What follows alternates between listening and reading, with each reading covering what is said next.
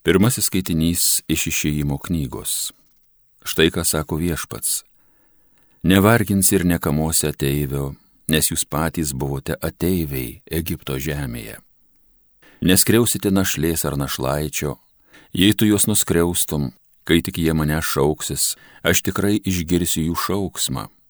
Degsiu pykčiu ir žudysiu jūs kalaviju, jūsų žmonos taps našlėmis, o jūsų vaikai našlaičiais Kai skolinsi mano žmonėms, savo vargšams, neselgsi su jais kaip skolintojas, nereikalausi iš jų palūkanų. Jei paimtumei savo kaimyno apdarą kaip užstatą, turi jį sugražinti jam prieš saulę nusileidžiant, nes šis apdaras yra jo vienintelį antklodį apsikloti. Kuogi jis užsiklos eidamas miegoti? Todėl, kai jis mane šauksis, išgirsiu, nes aš gailestingas. Tai Dievo žodis.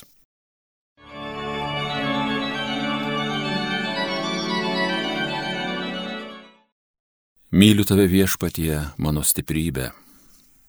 Myliu tave viešpatie, mano stiprybė, viešpatie uola manoji, mano tvirtovė, gelbėtojau mano. Myliu tave viešpatie, mano stiprybė. Mano Dieve prieglopsti mano, kur atrandu pastogę, mano skydė, mano išganimo jėga, mano tvirtovė. Viešpaties šlovingojo šaukiausi ir buvau išgelbėtas nuo visų savo priešų myliu tave viešpatie, mano stiprybė. Te gyvoja viešpats, te būna pašlovintas jis suola manoji, išaukštintas Dievas, kuris mane išvadavo, tu pergalės padovanoji savo karaliui, rodai ištikimą meilę savo pateptajam. Myliu tave viešpatie, mano stiprybė.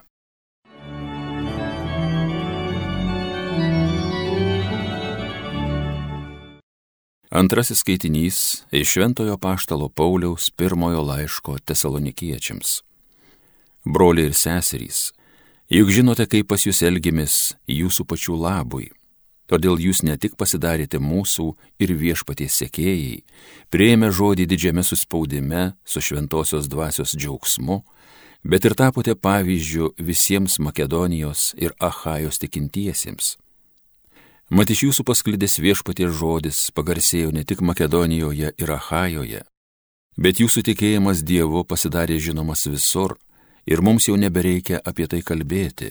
Žmonės pasakoja apie mus, kaip buvome jūsų priimti ir kaip jūs nuostabu atsivertėte prie Dievo, trokšdami tarnauti gyvajam tikrajam Dievui ir laukti iš dangaus jo sūnaus, kurį jis prikėlė iš numirusių Jėzaus, mūsų gelbėtojo nuo ateinančios rūstybės.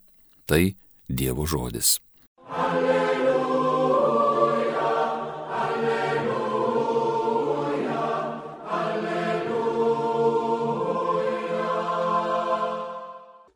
Jei kas mane myli, laikysis mano žodžio, sako viešpats, ir mano tėvas jį mylės, ir mes pas jį ateisime.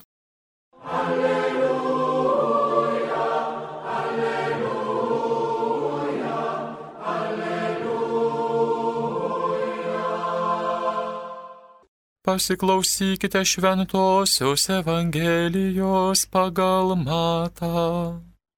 Fariziejai išgirdę, kad Jėzus privertęs nutilti sadukėjus, susirinko draugėn ir vienas iš jų įstatymo mokytojas, mėgindamas jį paklausė, mokytojau, koks įsakymas yra didžiausias įstatyme. Jėzus jam atsakė, mylėk viešpatį savo Dievą visą širdimi, visą sielą ir visų protų. Tai didžiausias ir pirmasis įsakymas. Antrasis panašus į jį, mylėk savo artimą kaip save patį. Šitais dviem įsakymais remiasi visas įstatymas ir pranašai. Girdėjote viešpatie žodį.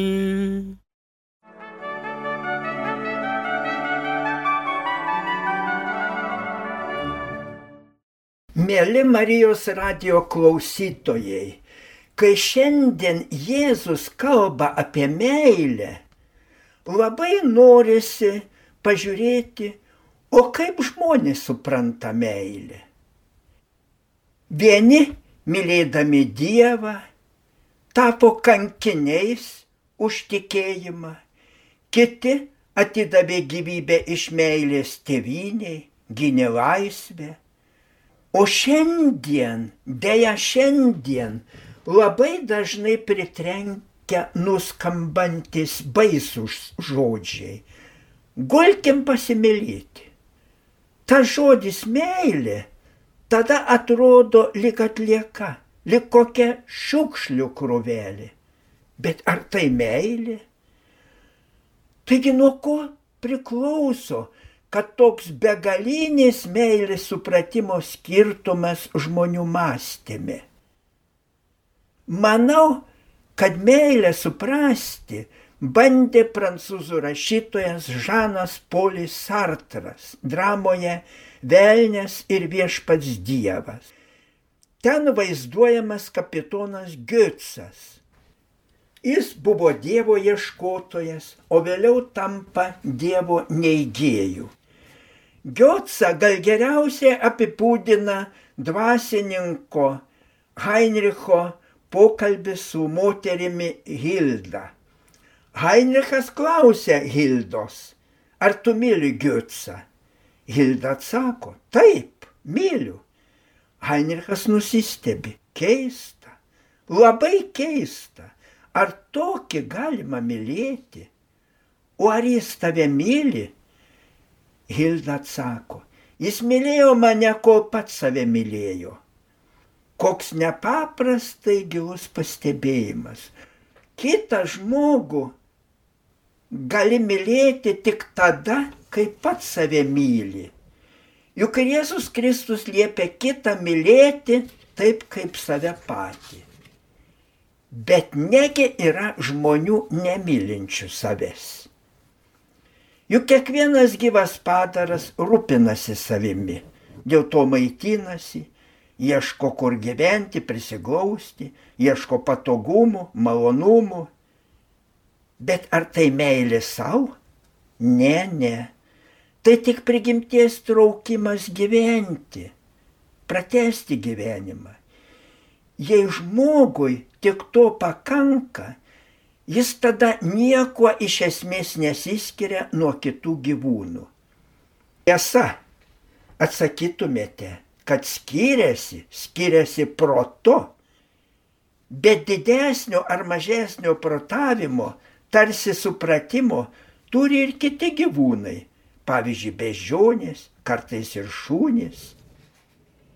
Mylinti save, mąstantis žmogus tiesiog kūrė savo gyvenimą. Kaip gyvensiu ateityje, koks tada būsiu, Dėl to žmogus lavinasi, save tobulina. Kadangi pasaulio patirtis ir mokslo tyrimai išaiškina, kas padeda žmogui būti geresniam, sveikesniam, ilgiau gyventi, mąstantis ir mylintis save žmogus, tai stengiasi vykdyti. Bet ar visi žmonės tai daro? Ne, ne. Žinome, kad rūkimas, alkoholis, narkotikai ir kiti dalykai greuna žmogaus sveikatą, trumpina gyvenimą.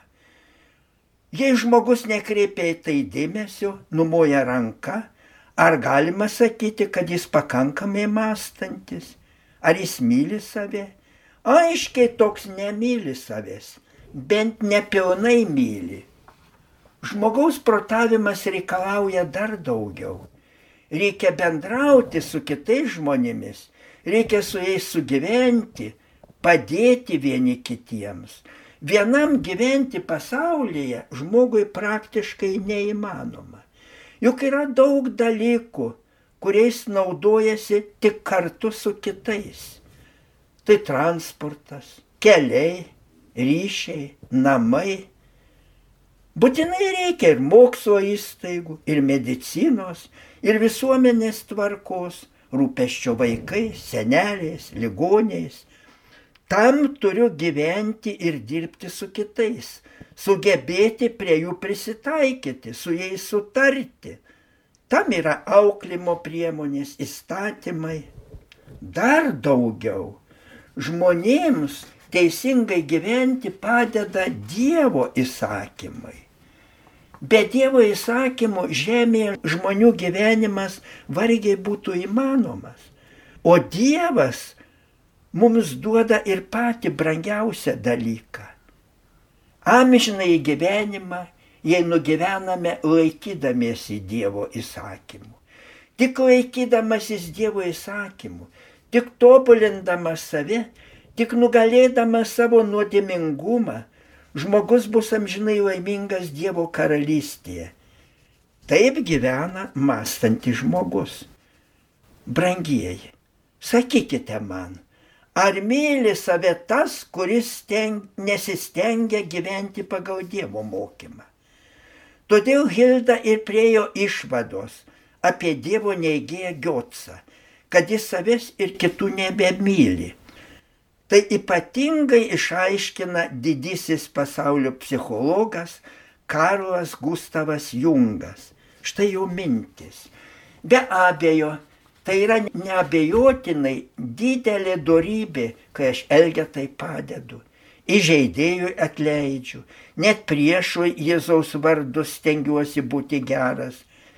Tai, ką aš menkiausiam darau, pačiam Kristui darau bet viskas apsiverčia tiesiog aukštyn kojomis, kai nebeturiu kantrybės, kai nieko nebeužjaučiu, niekam nepadedu ir net sakau savo broliui, pusgalvi, beproti, smerkiu jį, pykstu ant jo. Turėčiau tada pastebėti, kad esu menkiausias iš visų žmonių. Esu vargingiausias už visus elgetas, už visus įžeidinėtojus pikčiausias, priešas pats savo. Man pačiam tada labiausiai reikia atjautos, išmaldos. Bet to žmonėms neparodau, slepiuosi, meluoju. Niekas tada nepastebės, kad aš menkesnis už visus žmonės.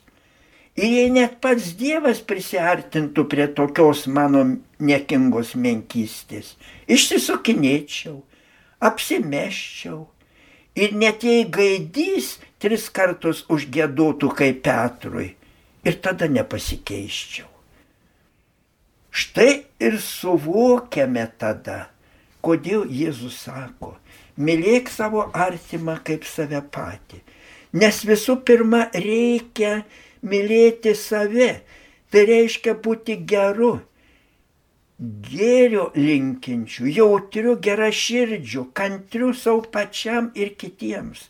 Drąsink save, primk save su visais savo ribotumais, su visais savo trūkumais, su visomis savo nuodėmėmis, su visais savo šešėliais, su visomis savo klaidomis Ir žiūrėk tada ne tik į save, bet visų pirma į Dievą. Reikia, būtinai reikia save patikėti Dievui, taip kaip vaikas pasitikė tėvais. Per gailestingumo sakramentą reikia save atiduoti Dievui, reikia jam atiduoti visus savo trūkumus, išpažinti visas savo silpnybės, visas savo nuodėmės savo troškimą būti geru, mylinčiu, jautriu savo ir kitiems. Tai yra visuotinė tiesa. Jei aš tikrai įvertinu save tokį, koks esu ir atiduodu Dievui save, tada nebeįmanoma pasilikti blogu. Turiu keistis, kad tapčiau tokiu, kokį Dievas nori mane matyti. Amen.